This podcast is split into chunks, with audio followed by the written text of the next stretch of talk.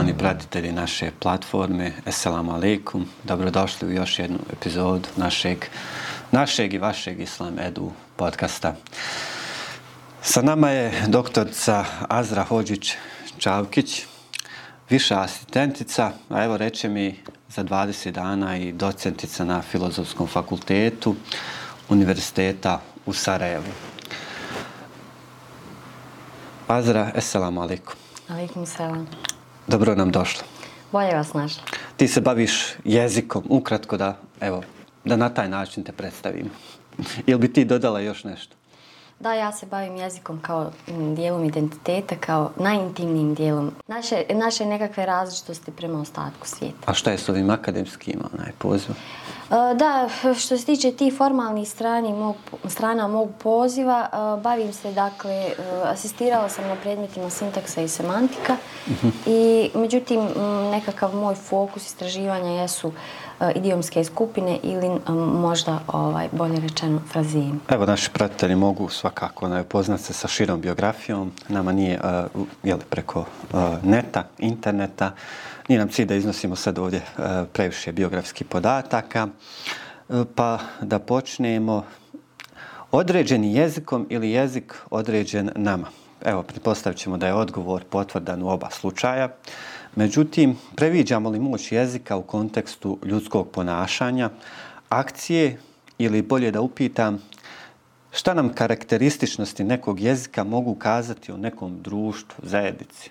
Narodu? Pa u, u ovom setu uh, vaših pitanja nalazi se uh, mnogo različitih tema za razgovor i uh, prije svega dakle, za razmišljanje. Mm. Ako krenemo školski, dakle, iza svega ovoga krije se hipoteza koja je u lingvistici poznata pod imenom Sapir-Whorfova hipoteza. -hmm.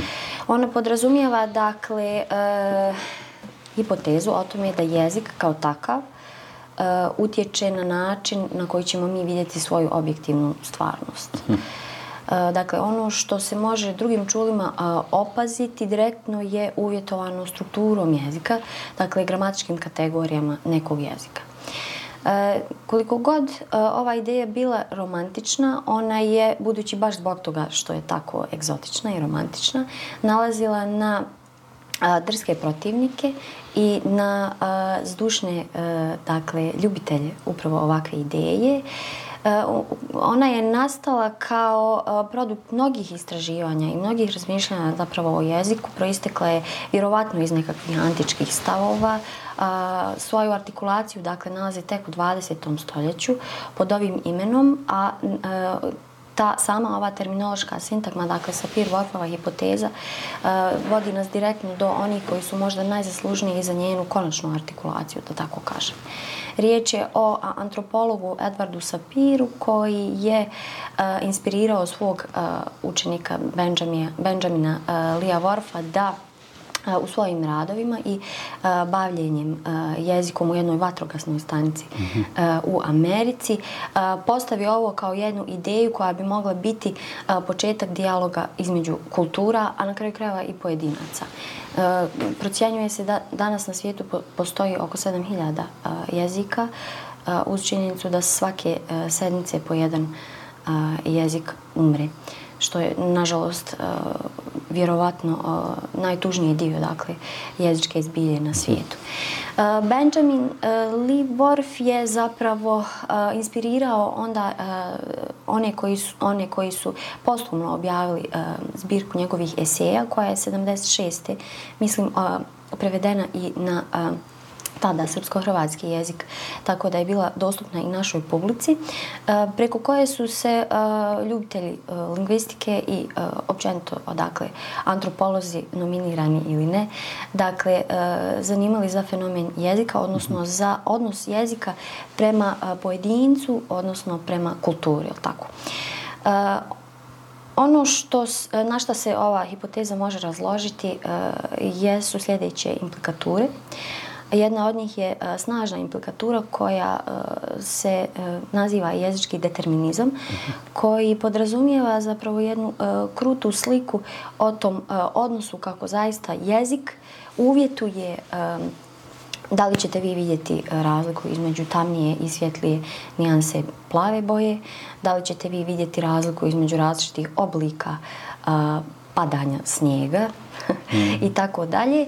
I e, da, dakle ova premisa sama po sebi e, u svojoj strukturi je višestruko problematična pa je onda e, ovim e, pobornicima anti uh, hipoteze, odnosno kontrahipoteze ovoj um, Sapir-Whorfovoj poslužila kao uh, pokazatelj koliko je ova ideja zapravo neutemeljena. Ona između ostalog može potencirati i općenito postojanje fenomena bilingvalaca. Tako? Uh -huh. Malo ljudi je u današnjem trenutku uh, nije dakle bilingvalac, jel tako? Mm. Dakle, većina nas je izložena drugom jeziku, uh, makar uh, leksički uh, dio nekog jezika je savladao, ako ne i neke gramatičke kategorije. Ova slabija implikatura iz Sapir-Whorfove hipoteze jeste to da jezik na neki način dakle, može utjecati na ponašanje govornika određenog jezika, pa se, na primjer, to prepoznaje u oglašivačkoj industriji, Uh, oni su uh, vrlo pragmatično prepoznali da pridjevi vrlo često bolje prodaju određeni proizvod. Tako da su u stvari u svojim kampanjama i nastoje u svojim kampanjama više uh, karakterizirati svoj uh, proizvod kroz uh, pridjeve. Da li zaista uh, utječu na prodaju određenog proizvoda zavisići od svakog dakle, konzumenta. Sad, možda kada sam ovo rekla, možda ćete vi preispitivati sebe kad gledate mm -hmm. sad reklame.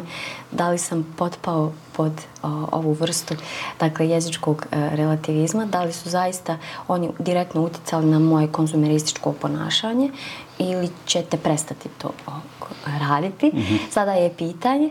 Um, Tako da e, je e, ta ideja o e, odnosu zapravo jezika i ponašanja visoko pragmatična i ona je prisutna ne samo u antropologiji, ne samo u lingvistici, nego je prisutna eto i u ekonomiji, je tako?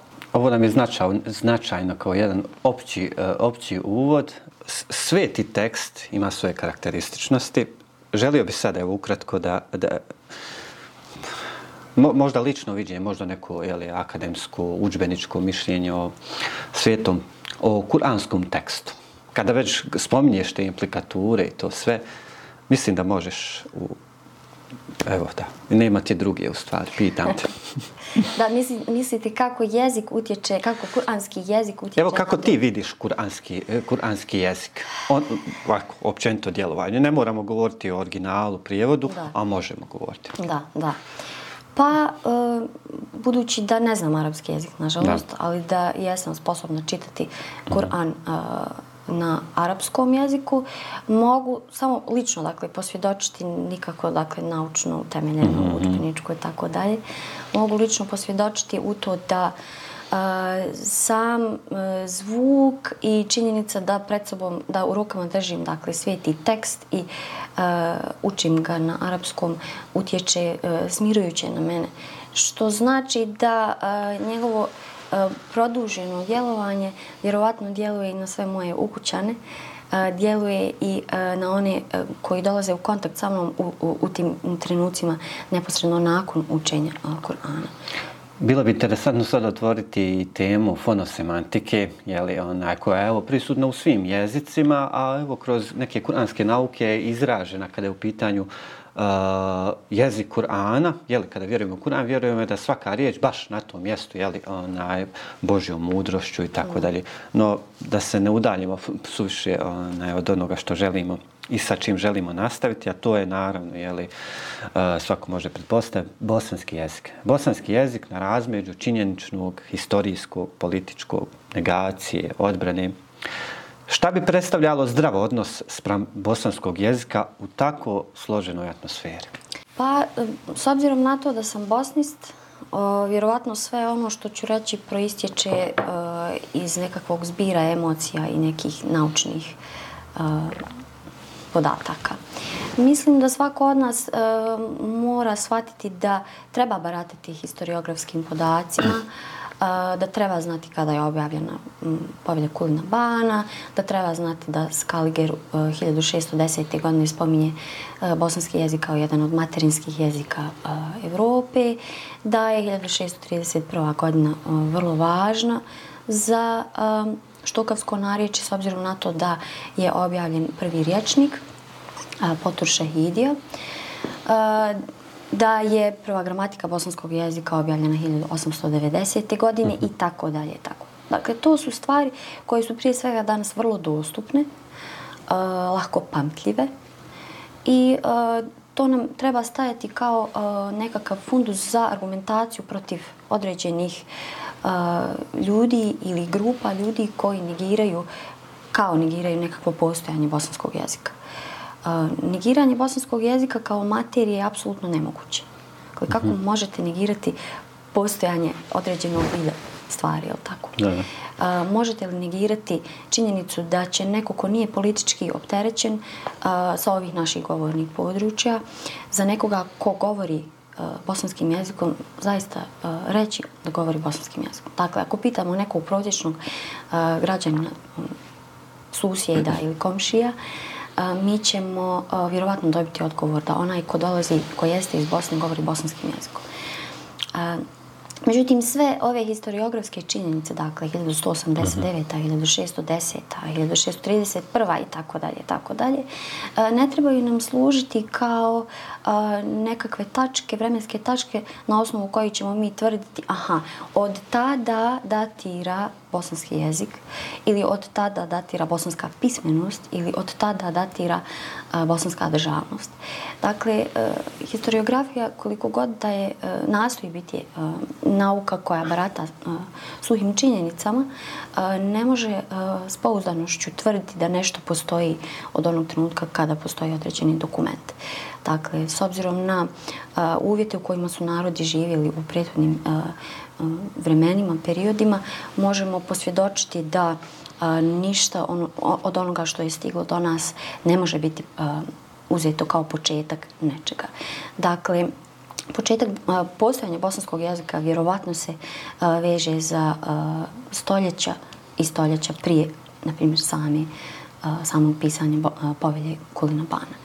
Uh, oni koji u ovakvim političkim uvjetima ili ne uvjetima govore o uh, bosanskom jeziku kao o nečemu što ne postoji, time negirajući dakle samu materiju ili jedna struje njih uh, koja tvrdi da terminološka sintagma bosanski jezik ne postoji, uh -huh. da se treba izvoditi iz nekakvih tvorbenih modela prema istoku i zapadu, odnosno srpski jezik, hrvatski jezik i tako dalje sudeći prema nacionalnom dakle, korpusu, mi bismo svoj materni jezik trebali nazivati bošničkim jezikom. Jezik, s obzirom na to da postoji van mene, van vas, postoji van oni koji ga kodificiraju, i postoji van oni koji ga negiraju. Uh, on također ima jednu veoma lijepu osobinu, a to je uh, osobinu samo imenovanja. Dakle, bosanski jezik je sam sebi imenovao i valjda ćemo ga zvati onako kako je on sam sebi imenovao. Posmatrajući, dakle, situaciju u, vez, u vezi sa, dakle, bosanskim jezikom kao uh, sirovinom i bosanskim jezikom kao terminološkom sintagmom, e, mi bismo e, dakle iz tih centara moć, mogli reći centara moći mogli reći da se radi o takozvanoj nekontroliranoj varijabli. Bosanski jezik je crni labud koji je posmatrano dakle iz tih centara moći jednostavno vid postojane stvari i jednostavno ne može se negirati tek tako. S obzirom sad mi da ćemo ovo rezati ovaj dio ćeš izrezati i nasloviti bosanski jezik je sam sebe imenovao. Evo možda da priđemo na neku, eh, pa ne znam, teško je nazvati drugačijom, a jest, jezik interneta i društvenih mreža između prihvatanja, odbijanja i stvarnosti takvog fenomena. Kako ga posmatrate? Pronalazak interneta E, nije samo tehnološka dakle, pojava, ona je i kulturološka i civilizacijska dakle, pojava. Sve što se novo pojavi na svijetu e, direktno će utjecati na redefiniranje dakle, svega onoga što je zateklo u određenom dakle, e, vidu stvari. Tako da e, je internet kao e, medij e, za komunikaciju, za onu komunikaciju koja je dakle kompjuterski posredovana, definitivno redefinirao mnogo pojmova, između ostalog pojam i jezika, a na kraju krajeva i pojam komunikacije. S obzirom na to da je komunikacija utemeljena dakle na dijalogu, na činjenici da vi i ja razgovaramo na osnovu nekakvih razlika, međusobno se ogledajući jedno u drugome, je tako? Mi uh, ukidamo uh, istrošenošću tog jezika koji je posredovan uh, internetskom komunikacijom, ukidamo dakle mogućnost ovog pravog sukoba, mi u stvari na internetu često razgovaramo sami sa sobom ili razgovaramo da bismo prosto izbacili nekakav jezik iz sebe, ili tako. Uh. -huh. Tako da se čini da je internet utjecao na to da se komunikacija redefinira u smjeru da nije cilj, nego je postala sredstvo i sada je pitanje, dakle, sa nama komunicira televizor sve vrijeme, ili tako, on se mhm. upravo obraća nama, obraća, obraća se našoj konzumentskoj svijesti ili podsvijesti ili nadsvijesti, ili tako, da mhm. kupimo neki proizvod koji je opisan određenim pridjevima, ili tako.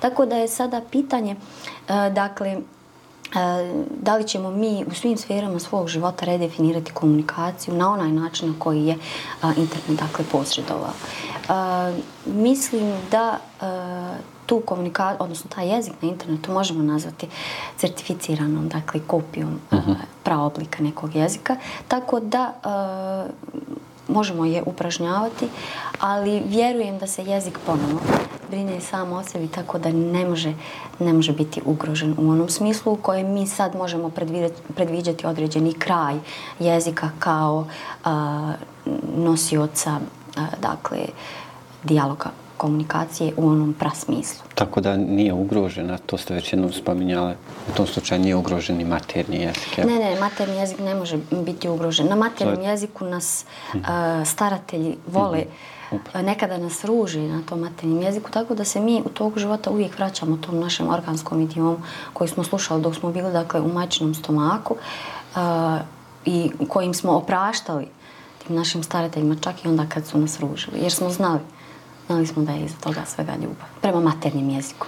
Upravo to, zbog tog sam iskrenuo ovo na materni, iako na izgled izgleda bespotrebno, jer ste spomenuli jezik.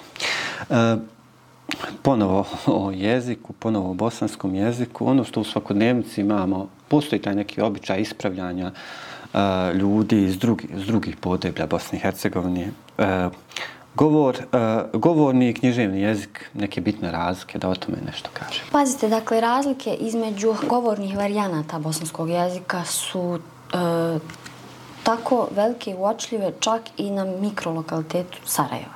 Dakle, ja. govor Alpašinog polja i govor starog grada nisu isti, ili tako? Mm -hmm. Sada, e, ta vrsta razlike može poslužiti za e, naš dijalog, mm -hmm. ili tako? Može poslužiti, naravno, i za, nažalost, diskriminaciju, ili tako? E, budući da sam bosnist, budući da mi je jezik nekako primarno polje bavljenja, ja bi bila vrlo oprezna i jesam u svom privatnom životu vrlo oprezna prema tom nekakvom kategoriziranju, odnosno hier, hier, pravljenju hijerarhije od tih govornih varijanata bosanskog jezika i nekog standardnog. Od prilike mi procjenjujemo, mi kategoriziramo sve vrijeme. Dok razgovaramo sa nekim, dok prolazimo ulicom, kad ulazimo u razred i tako dalje, mi uvijek kategoriziramo. Znači, čovjek je, biće čini mi se biološki uvjetovano da kategorizira, jer uvijek dolazi, donosi niz nekakvih odluka. Sad, vi kad sa nekim razgovarate, vi nesvjesno ili vrlo svjesno zapravo smještate njegov ili njen govor uh, u određeni određeni položaj. Taj položaj može biti dakle centralni ili periferni. Obično ćemo mi iz našeg deiktičkog centra progovoriti kao kodifikator, uh -huh. uh, kao onaj koji će procjenjivati o tuđim ne samo govornim sposobnostima, nego i tim jezičkim karakteristikama kao nečemu što možda iskače iz tog nekog koda, odnosno kanona, iz nečeg što je prijemčivo ušima, nečeg što je lijepo i tako dalje. E, mislim da se time ukida e, ljepota raznolikosti bosanskog jezika. Mislim da ne bismo smjeli e, sebi dopustiti da nekoga ispravljamo. A u raspravama koje e, nam izmiču iz ruku, mi vrlo često zapravo to radimo. Ako nemamo argumenta za svoje stajalište, mi obično onda e, kažemo, dobro, ali ovaj, znaš da se ne kaže isčupati, nego iščupati. Mm -hmm. E, dakle, jezik nam čak može služiti kao sredstvo koje nam pomaže da se vratimo u centar svoje moći i da se nekako dozovimo da možemo argumentirati dalje svoje stajalište. Nisam zato, dakle, da se ispravljamo e, i e, uz sve poštovanje prema tome, prema toj činjenici da mi sve vrijeme kategoriziramo i svijet, i svijest, i jezik, nisam za neko artikulirano ispravljanje Uh, odnosno smještanje određenih govora i oblika razgovornog uh, bosanskog jezika u uh, one periferne, manje poželjne i tako. Mi uh, tu nekakvu, neka, nekakav taj uh, lokal patriotizam možemo vidjeti i na različitim stranicama, na društvenim mrežama koje uh, potenciraju dakle, te razlike uh, tog organskog oblika bosanskog jezika prema nekom standardnom jeziku, pa onda imate, na primjer, krajiške lingvističke doskučice mhm. koje uh nas redovno mogu nasmijati, ako im to naravno dopustimo, jer je to, to su očkrinuta vrata prema jednoj varijanti bosanskog jezika. Ono nam pokazuje da mi imamo odmah o čemu razgovarati kad se sretnemo sa nekim krajišnikom. Kad se sve spomenula krajinu, pa i dole niže, jeli, e, zapadno. E, prošle godine sam to pitao e, Džemu Latića, a i tebe ću, šta nam je sa ikavicom? Ikavica. Da, pa krajišnici također čuvaju e, dosta e, tog ikavskog refleksa. Meni je vrlo simpatičan, uh uh, simpatičan taj refleks. Mogla bih uh, samo reći sljedeće. Dakle, šta bismo radili ako želimo uh, geografski smjestiti uh, nekog svog književnog lika uh -huh. uh, ovdje sam trebala upotrijebiti drugi padež. Ako, a, dakle, šta bismo radili ako želimo napisati neki roman i želimo neki svoj književni lik a, smjestiti u a, određeni kontekst? Ako to ne uradimo jezikom, evo, ikavicom, mm -hmm. i ne kažemo da je on, dakle, produkt nekih drugih jezičkih evolucija, ne one koja je proizašla iz kompromisa, dakle, stvaranja nekog standardnog jezika, kako drugčije nego upotrebom upravo tog organskog idioma. Činilo mi se zgodno da završimo sa sljedećim, a to je pitanje, dakle, evo to sam nazvao kao religijsko gnjezdo u jeziku. Konkretno, kako bi objasnila vezu jezika i religije, primjer islama, evo u bosanskom jeziku, osim što postoji nešto što zovemo religijski jezik, znači li to da religija oblikuje i određene intimne izraze i forme u jeziku, s obzirom da se to tiče očitovanja jednog e, dubokog fenomena, to jest ljudske vjere. Ta tripartitna struktura, odnosno, odnosno uh, struktura pomoću koje mi želimo pokazati taj odnos između pojedinca, jezika i uh, neke stvarnosti koja ga okružuje, jeste također posredovana i religijom kao nekakvim sistemom vjerovanja, a i vjerom kao individualnim pečatom, da. odnosno uh, individualnom organizacijom, da kažem, tog religijskog života. Um, naravno da je uh, islam kao takav odgojio bosanski jezik u jednom smjeru, naročito dakle u tom leksičkom smislu. Dakle, mi smo posredstvom e, uh, orientalnih jezika dobili uh, cijeli jedan spektar uh, leksema pomoću kojih možemo izraziti ono što je intimno, uh, što se nalazi u uh, duhovnoj sferi čovjekovog života, uh, ali postoje i stvari koje su uh, duboko utjecale i na ono što je vanjska manifestacija toga. Uh, religija kao takva naravno uh, da utječe na intimni uh, intimnu varijantu uh, postojanja jezika, je tako, i na onu koja je, da kažem, standardna, zvanična. Pa evo, uh, mi možemo bosanski jezik romantično nazvati i merhametli jezikom. Mhm. Međutim, ne smijemo zaboraviti, uh, vraćam se na ono uh, što sam malo prije rekla. Dakle, ne smijemo zaboraviti da se bosanskim jezikom može i ružiti, jel tako? Dakle, religija uh, i taj religijski diskurs unutar uh, bosanskog jezika, odnosno islamski diskurs uh, unutar bosanskog jezika, ima naravno uh, posebnu odgajajuću notu i uh, daje mogućnost svakom govorniku bosanskog jezika da dakle, uh, izrazi ono što bi se nazvalo duhovnim životom, e, najintimnijim duhovnim životom svakog tog pojedinca. Mnogo stvari spomenula koje su ovako, imaju te rukavce kojima bi se dalo ići, no mislim da je ovo evo, dovoljno da na izgled zaokružimo jednu cijelinu koja će biti od koristi evo, i, i, i, i s obzirom na ono što želimo a, promaknuti kroz ovaj Islam, Islam Edu podcast. A, na kraju ja bih da ti se zahvalim za tvoje odvojeno vrijeme i za sve ono što si podijelila sa nama i evo što će otići u eter. Mislim da smo evo progovorili o nekim bitnim temama i evo a, ponukali na opet neke bitne, bitne teme. Hvala ti još jedno. Hvala vam na povjerenju. Poštovani pratitelji našeg podcasta, komentarišite, pišite nam. Nadamo se da će ovo biti od koristi i do narednog puta. Esselamu alaikum.